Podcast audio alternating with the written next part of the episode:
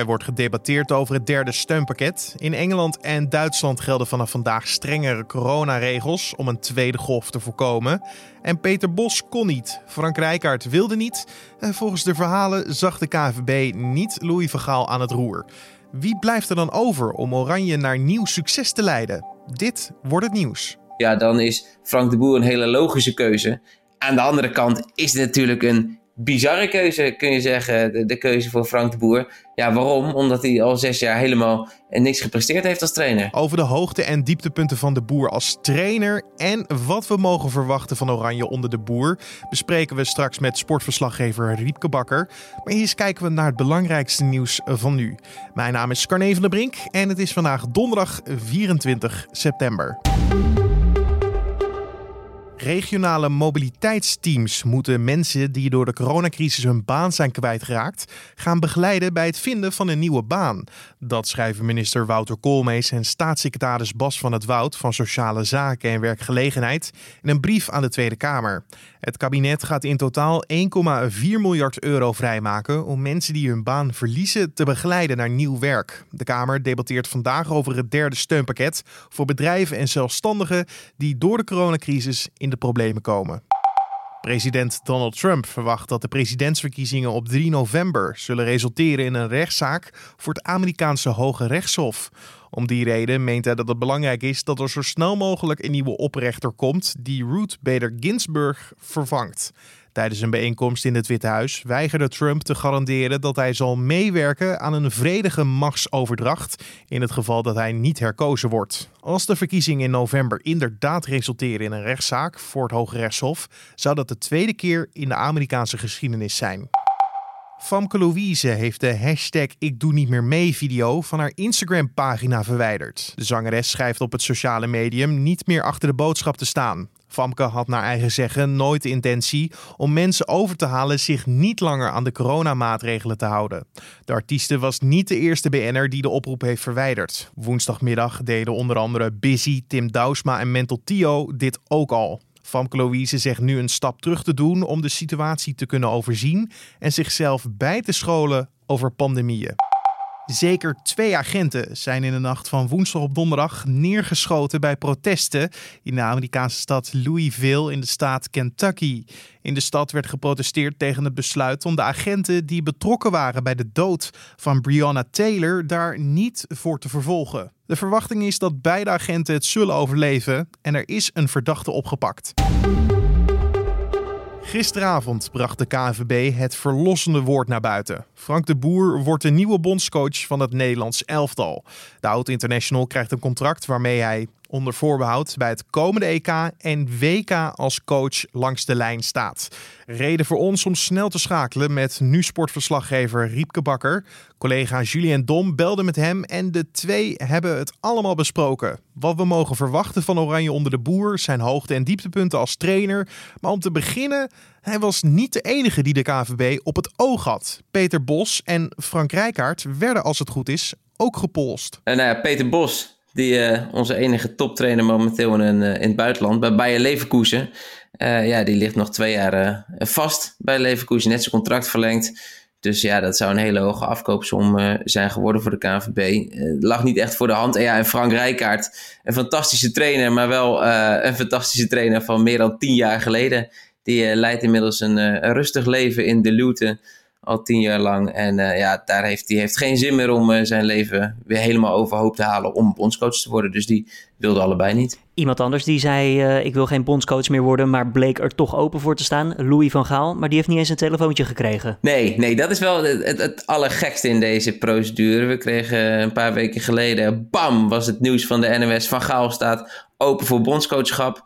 Nou ja, toen dachten we eigenlijk 1 1 is 2. En Louis van Gaal komt terug, zijn laatste kunstje. Dit is een geschenk uit de hemel uh, voor de KNVB. Maar ja, ze hebben hem niet eens gebeld, uh, Louis. Dus... Waarom zou je hem niet willen? Nou ja, dat, dat, is, het, dat, is, dat is de grote vraag. Daar, daar heb je wel een beetje een antwoord op. Enerzijds, uh, ja, Van Gaal is natuurlijk eerder bondscoach geweest in 2014. Ehm, nou, dat heeft hij fantastisch gedaan. We werden derde van de wereld op het WK. Maar Van Gaal was wel een man die de hele organisatie overhoop haalde. Die eigenlijk ja, zijn assistenten meebrang. En alles werd als het ware omgegooid. En wat de KNVB nu juist wilde, was de lijn van Ronald Koeman volgen. Het ging fantastisch en het moest een beetje zo voortgaan. Nou ja, als jij uh, Van Gaal binnenhaalt, dan weet je één ding. Die zet de hele organisatie weer op zijn kop.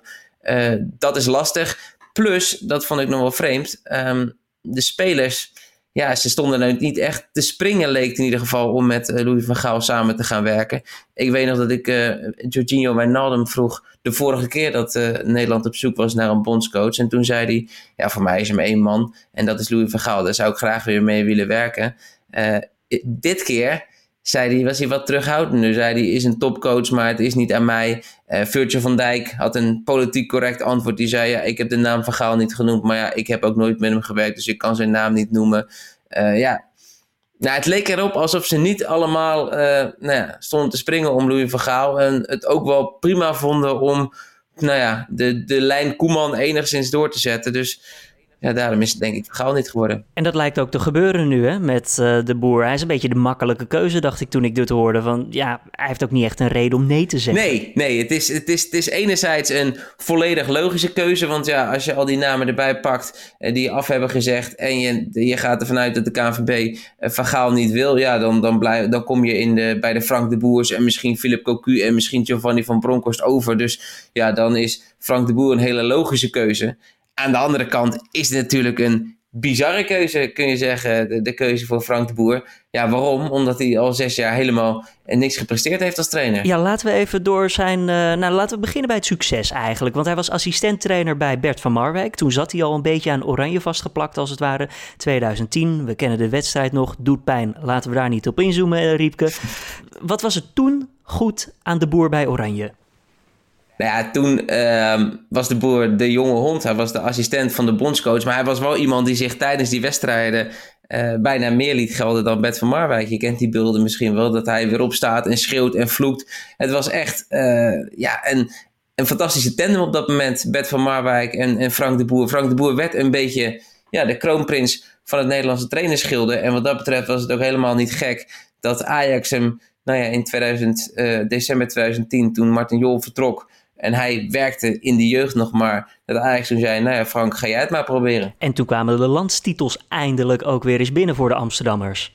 Ja, ja dat zijn eigenlijk de, de, de gloriejaren van, uh, van Frank de Boer. Het, is, het was een hele lastige situatie. En, en als de Boer is natuurlijk een hele ja, nuchtere, uh, oer-Hollandse, hele benaderbare, uh, ja, een, een, prettig persoon om mee samen te werken. Redelijk een no-nonsense. En ik kwam die tijd in een, nou ja, in Ajax wat een slangenkuil was. Er was een kruifrevolutie aan de gang. Iedereen vocht met iedereen. En Eigenlijk hield hij zijn elftal in de looten.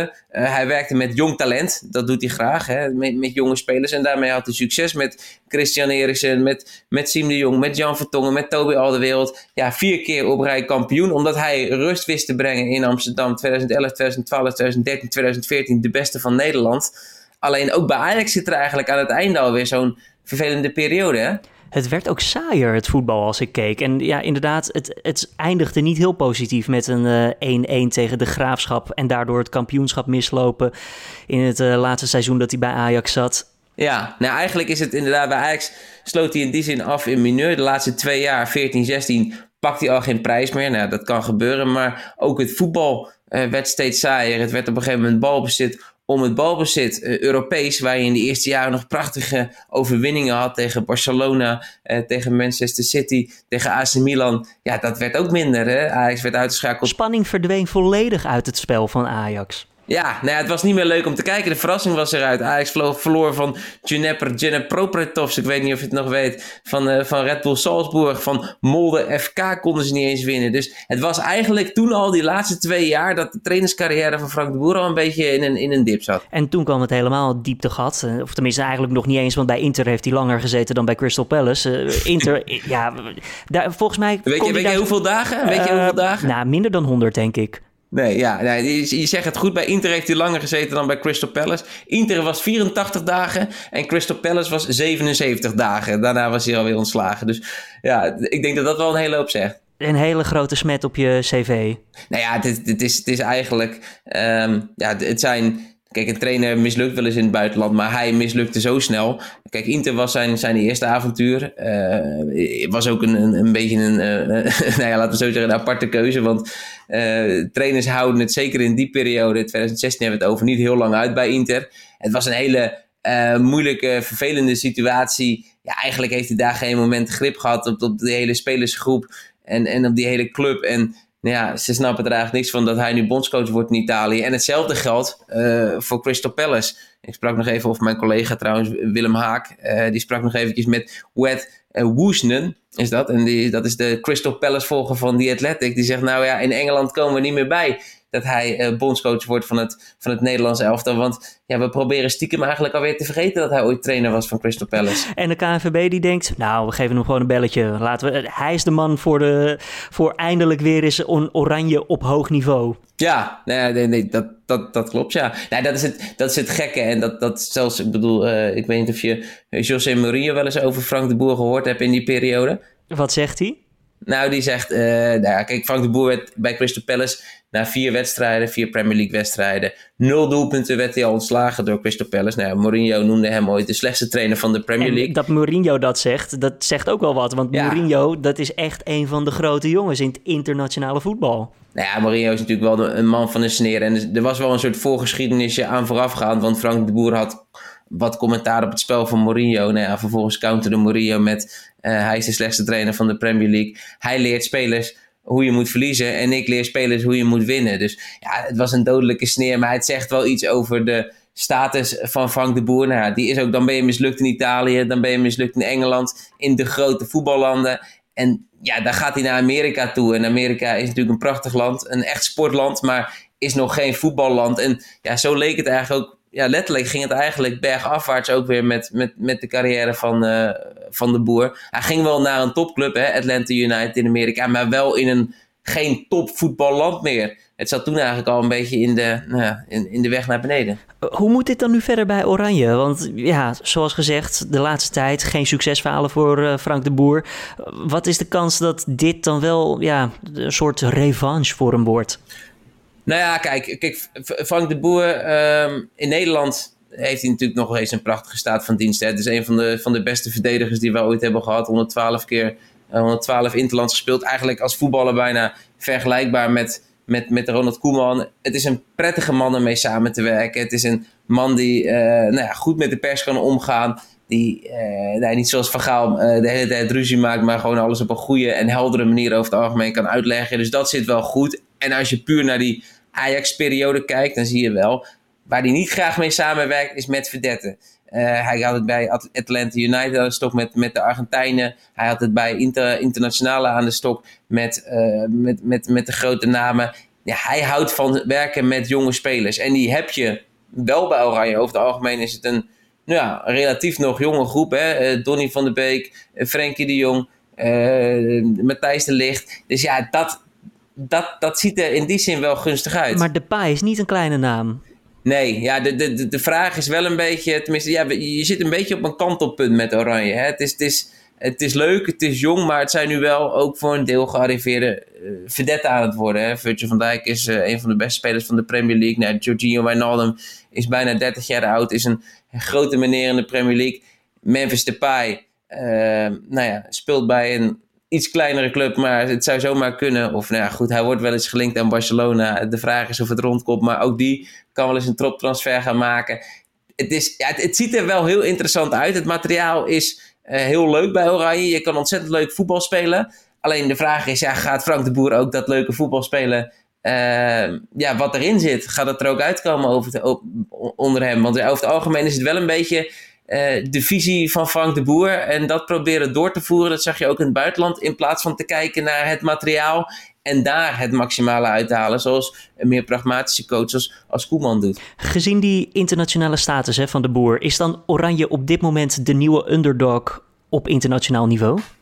Ja, er komt natuurlijk een prachtige periode aan. Uh, we hebben natuurlijk de komende zomer al een, een, EK. En anderhalf jaar later hebben we dan alweer het WK van, uh, in Qatar. En de boer gaat nou contractueel, als alles goed komt, in ieder geval beide toernooien doen. Dus er komt een hele leuke periode aan. En kijk, wij zijn geen Frankrijk. Die hebben op elke positie een wereldster. Wij hebben nou ja, op de rechtsachter hebben wij uh, Veldman of Dumfries. Dat zijn goede voetballers, maar ook vooral goede voetballers op, op eredivisieniveau. Als linksback hebben wij uh, Blind. Nou dat is iemand die nou ja, bij Ajax op een andere positie staat. Dus het lijkt nog altijd een soort van noodverband. We hebben, we hebben hele goede voetballers, maar het zijn wel vooral verdedigers. Hè, met, met, met Virgil van Dijk met de licht. En het zijn Frenkie de Jong. En we hebben een goede aanvallen met Memphis Depay. Maar het is vergeleken met die toplanden... is de breedte van de selectie... of is de, ja, is de, is de selectie wel erg smal. Dus ja, het kan.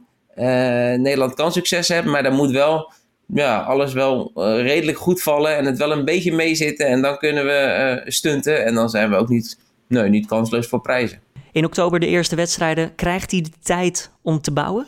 Ja, nou ja, dat, is wel een voordeel voor Frank de Boer. Want we spelen vriendschappelijk tegen Mexico en hoeven interland. En daar is het Nations League. En dat kan je heel groot maken. Maar dat kan je ook gewoon gezien als verkapt oefenvoetbal.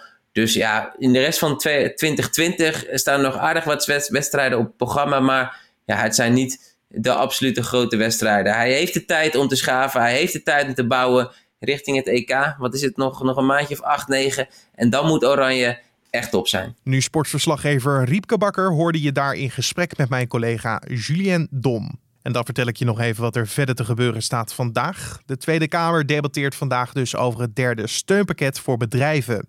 Het moet raar lopen als het kabinet onvoldoende steun heeft voor het pakket dat eind augustus werd gepresenteerd. Woensdag bezochten minister Wouter Koolmees en Wopke Hoekstra oppositiepartijen om de wensen aan te horen.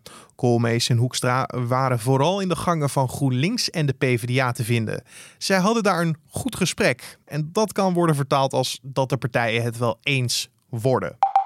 In het Verenigd Koninkrijk worden vandaag strengere maatregelen ingevoerd in de strijd tegen de tweede golf van het coronavirus. Premier Boris Johnson kondigde de maatregelen eerder deze week aan. Pubs, bars en restaurants in Engeland moeten vanaf vandaag iedere avond om 10 uur hun deuren sluiten. Ook mogen gasten alleen geserveerd worden als ze aan een tafel zitten. In enkele delen van het Verenigd Koninkrijk moeten pubs al om 9 uur sluiten.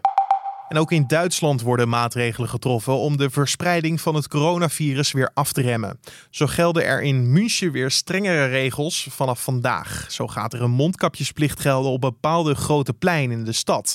Ook mogen maar vijf mensen uit maximaal twee huishoudens bij elkaar komen. De maatregel komt op het moment dat het traditionele Oktoberfest in München is geschrapt. Maar er overal in de stad toch wel kleinere evenementen zijn. En dan de vraag aan Wilfred Jansen van Weerplaza. Wat voor weer krijgen we vandaag? Op veel plaatsen beginnen we vandaag met zonnige perioden, maar in de loop van de dag neemt vanuit het westen de bewolking toe. In het midden en oosten van het land kan uit dikkere bewolking later vandaag wat regen of motregen vallen. In de kustgebieden komt buien geregend voor, waardoor daar lokaal veel neerslag kan vallen. Ook is bij de buien in de kustregio's een klap onweer niet uitgesloten. Er steekt een stevige zuidwestenwind op, matig boven land en vrij krachtig tot krachtig langs de kust, 4 of 4 eh, tot 6 boven. En de temperatuur die komt een stuk lager uit dan de afgelopen dagen. Op de warmste plaatsen wordt het zo'n 18 graden. Dankjewel Wilfred Jansen van Weerplaza. En dit was dan de ochtendeditie van de Dit wordt het nieuws podcast voor deze donderdag 24 september. Je kan je gratis abonneren op deze podcast via Spotify of Apple Podcast en zo staat de podcast dan elke dag gewoon voor je klaar. En natuurlijk kan je ons helpen met feedback te sturen naar podcast.nu.nl of een recensie achter te laten bij Apple Podcast. Mijn naam is Carne van de Brink. Bedankt voor het luisteren en een hele mooie dag vandaag.